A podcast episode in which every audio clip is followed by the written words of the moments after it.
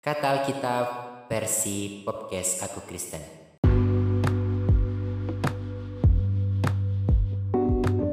Kita sebagai anak muda sering sekali mengambil keputusan-keputusan yang bodoh atau kita bertingkah seperti orang yang bodoh.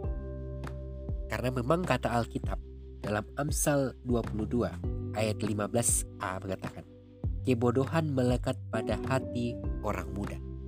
Jadi kalau kita sebagai anak muda sering melakukan hal-hal yang bodoh, kata Alkitab itu sudah sewajarnya kita sebagai anak muda mengambil hal-hal seperti itu.